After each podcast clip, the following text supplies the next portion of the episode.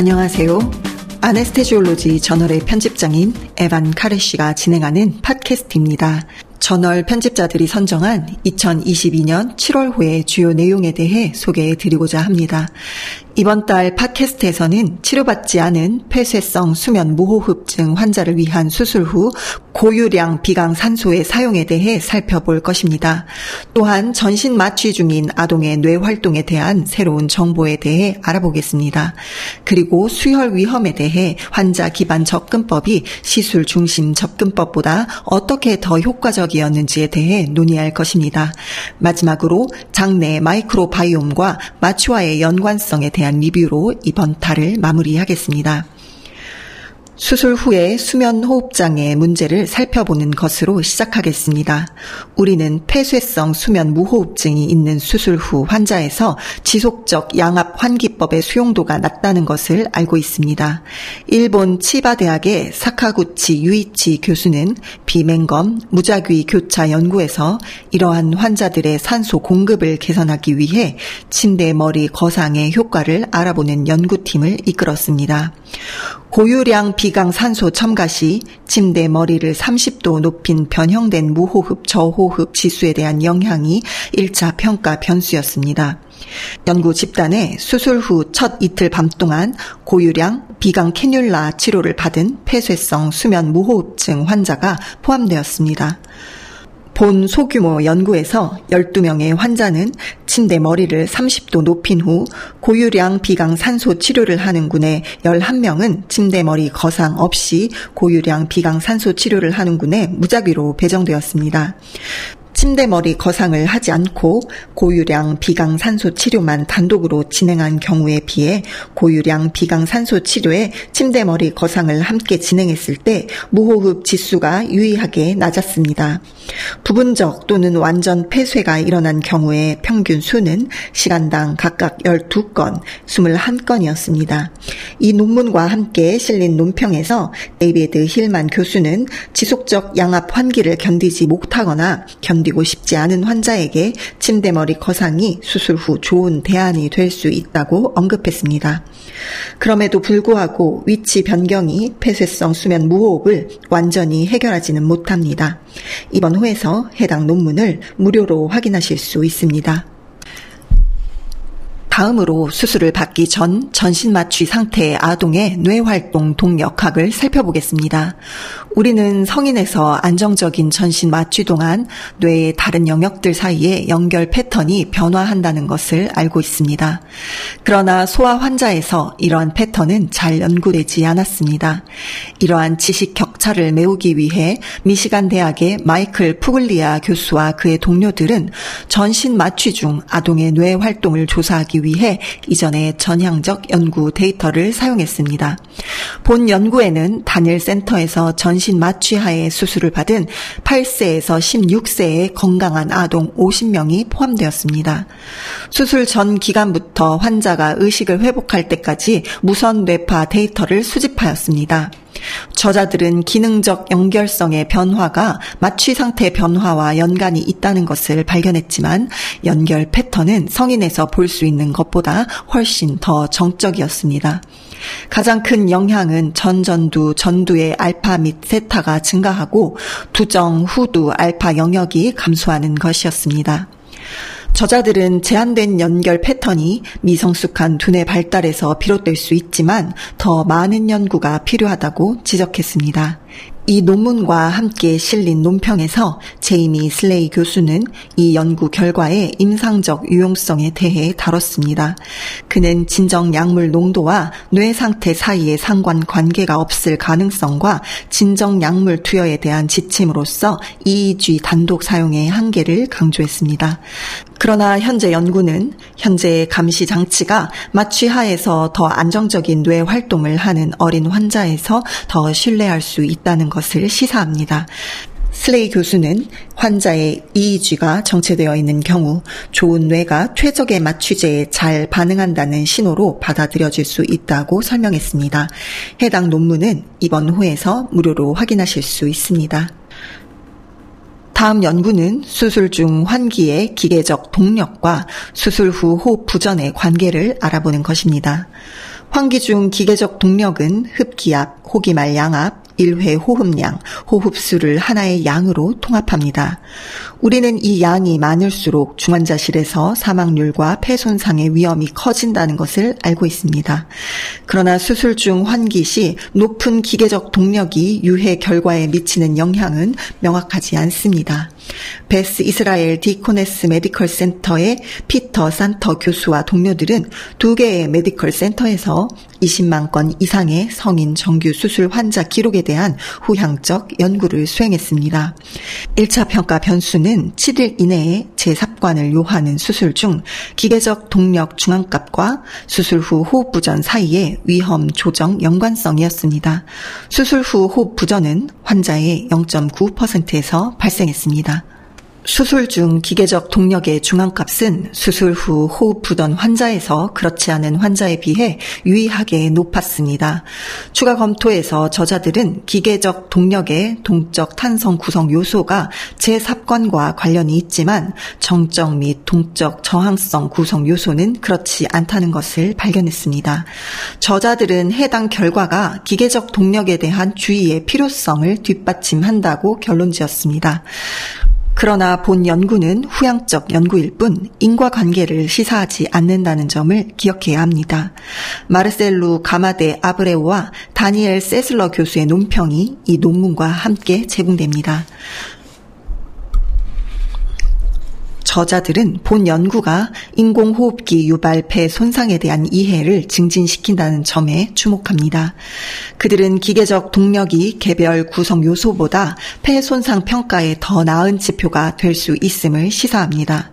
그러나 그들은 1차 평가 변수에서 최저및 최고 5분위 사이의 차이가 적다는 점과 기계적 동력과 호흡기계 예후 사이의 인과 관계를 평가하기 위한 추가 연구가 필요하다는 점을 강조합니다. 이번 호에서 해당 논문을 무료로 이용하실 수 있습니다.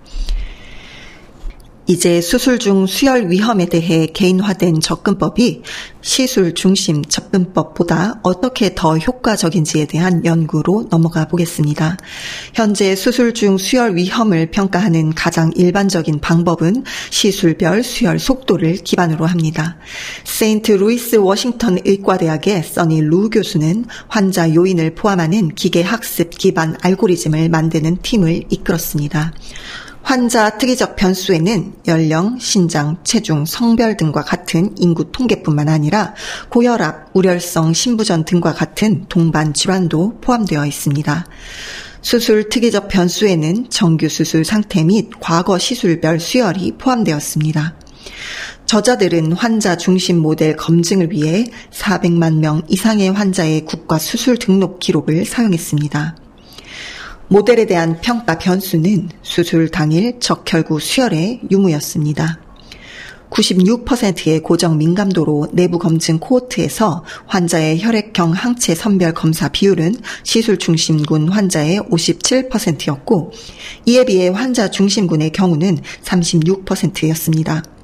외부 검증 코호트에서 혈액형 항체 선별 검사의 비율은 시술 특이적 모델의 경우 45%, 환자 중심 모델의 경우 30%였습니다. 환자 모델은 내부 및 외부 검증 코호트에 대해 각각 0.06, 0.21의 양성 예측도를 보였습니다. 반면 시술 모델은 각각 0.04, 0.14의 양성 예측도를 나타냈습니다. 저자들은 위험도가 변경될 수 있는 예정된 시술과 검사 수치에 근거한다는 점에서 모델이 제한적이라고 강조했습니다. 더 많은 검증이 필요하지만 데이터가 시사하는 바로는 환자 모델이 수술 정보만을 사용한 기저 모델보다 우수했습니다. 저자들은 이 모델이 환자 안전을 개선하고 의료 비용을 절감할 수 있는 가능성을 가지고 있다고 결론 지었습니다. 논문에 동반된 논평에서 마이클 마티스, 카란딥 싱 및 사친 케트르팔 교수는 본 연구 결과가 수혈 위험을 예측하는 데 있어 중요한 진전을 나타낸다고 설명했습니다. 그들은 1차 평가 변수가 수혈에 대한 임상의의 결정이기 때문에 알고리즘은 임상적 의사 결정의 편향을 따른다고 지적했습니다. 그러나 개인화된 알고리즘이 임상 환경에서 환자와 임상의 모두에게 도움이 될 가능성이 있다고 결론 지었습니다. 이번 호에서 해당 논문 전체를 무료로 확인하실 수 있습니다. 다음으로 중증 코비드-19 환자에서 응고병증과 저산소 혈증에 대한 연구에 대해 살펴보겠습니다. 우리는 코비드-19이 과다 응고와 혈전 반응과 관련이 있다는 것을 알고 있습니다. 중환자실 환자에서 응고병증과 호흡곤란 사이의 연관성은 연구되지 않았습니다.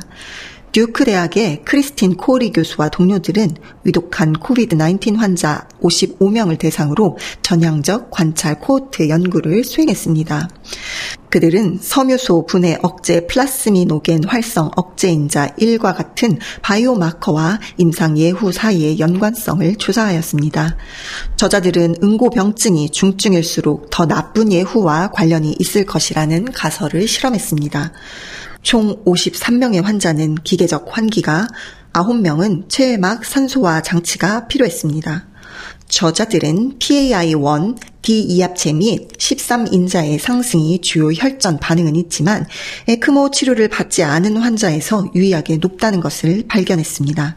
그들은 또한 생존한 환자가 더 적은 수의 응고 급성기 반응 물질, 특히 MP 조직 인자 농도를 나타낸다는 것을 발견하였습니다. 또한 PIA1 농도는 중증 호흡 곤란 기간 동안 유의하게 증가하였습니다. 저자들은 염증성 및 응고 촉진 표지자 증가가 코비드-19의 중증 저산소 혈증 및 주요 혈전증 반응과 관련이 있다고 결론 지었습니다.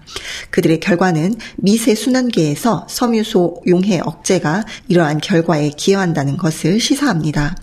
함께 동반된 논평에서 데이비드 두인 교수와 아나 페르난데스 부스타만테 교수는 코비드-19에서 저산소증과 과다 응고 사이의 관계를 닭이 먼저인지 계란이 먼저인지 알 수 없음의 상황이라고 설명합니다. 이들은 코비드-19과 관련된 폐 모세혈관 미세 혈전 및 내피 손상이 저산소증의 원인이 된다고 설명합니다. 그러나 저산소증 자체는 염증을 촉진시킴으로써 혈전증을 촉진할 수 있습니다. 저자들은 과다 응고와 저산소 혈증의 원인과 결과 관계는 불분명하지만 현재 연구는 바이오마커 분석의 사용을 지지한다고 설명합니다. 해당 논문은 이번 호에서 무료로 확인하실 수 있습니다. 다음으로 고전적인 논문으로 돌아가 보겠습니다. 워싱턴 의과대학의 토마스 혼바인 교수는 1961년 자신의 연구인 화학 수용체 활성의 정량화, 저산소증과 고탄산 혈증의 상호 관계에 대한 영감을 설명했습니다. 혼바인 교수는 어린 시절 콜로라도 여름 캠프에서 호흡의 화학적 조절에 대한 연구가 어떻게 시작되었는지 보여주었는데 그곳에서 그는 산을 오르는 것과 관련된 생리학에 매료되었습니다. 의과대학 재학 시절 그는 인간이 어떻게 높은 고도에 적응하는지에 관한 최신 과학 문헌을 읽었습니다. 마취과 레지던트 과정을 마친 후 혼바인 교수는 호흡 생리학자 알버트 루스와 함께 일했습니다.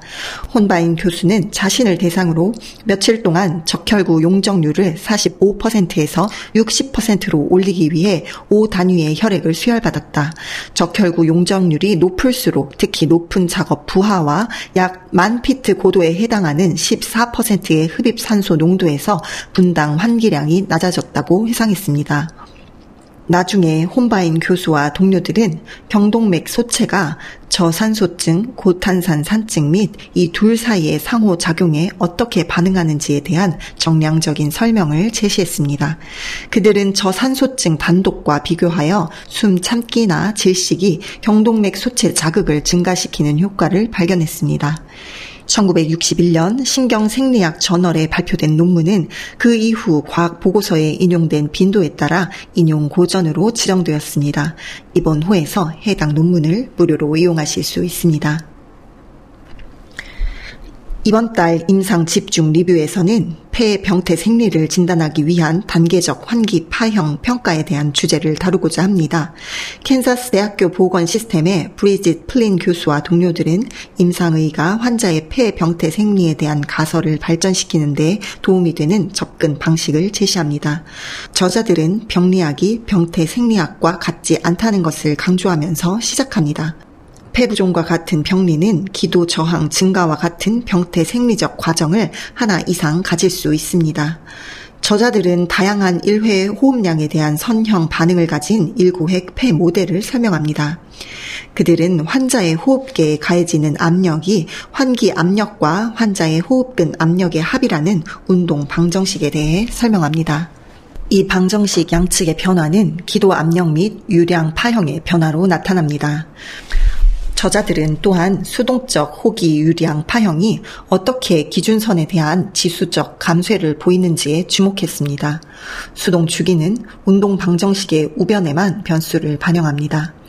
이 수동 주기는 임상의가 내재성 폐병태 생리를 평가하는데 도움이 될 수 있습니다. 이 리뷰에는 비동기성을 평가하고 이를 유발하는 요소를 식별하기 위한 유량 파형의 사용에 대한 실용적인 단계적 접근법이 포함됩니다. 저자들은 또한 다양한 파형 패턴에 대한 일련의 그림을 포함시켰습니다. 이번 호에서 전체 리뷰를 확인하시기 바랍니다. 장내 마이크로바이옴과 마취 통증 의학 간의 관계에 대한 리뷰 논문으로 이번 달을 마무리하도록 하겠습니다. 우리는 장내 마이크로바이옴이 인간의 건강과 질병에 중요하게 관여한다는 것을 알고 있지만 최근의 근거는 만성 통증과 수술 후 통증 결과와도 연관이 있음을 시사합니다. 이스라엘 하이파 통증의학 연구소의 아미르 미네르비 교수와 보스턴 메사추세츠 종합병원의 쉬키안 셴 교수는 장내 마이크로바이옴과 신체의 상호작용에 대해 마취과 의사가 알아야 할 최신 주요 연구 결과를 요약했습니다. 저자들은 인간 마이크로바이옴이 개인들 사이에서뿐만 아니라 한 사람의 다른 신체 기관 사이에 어떻게 다른지를 강조합니다. 장내 마이크로바이옴 연구는 차세대 시퀀싱 기술의 사용으로 확장되었습니다. 이러한 기술은 인간 마이크로바이옴과 다양한 병리 사이의 연관성을 뒷받침합니다. 위장관계와 중추 신경계 사이에 양방향 생화학적 연결인 장-뇌축에 대한 관심이 높아지고 있습니다. 장내 마이크로바이옴이 중추 신경계에 영향을 미칠 수 있는 메커니즘은 여전히 알려져 있지 않습니다. 그러나 저자들이 제공하는 명쾌한 개략적 그림은 상당한 관점을 제공합니다.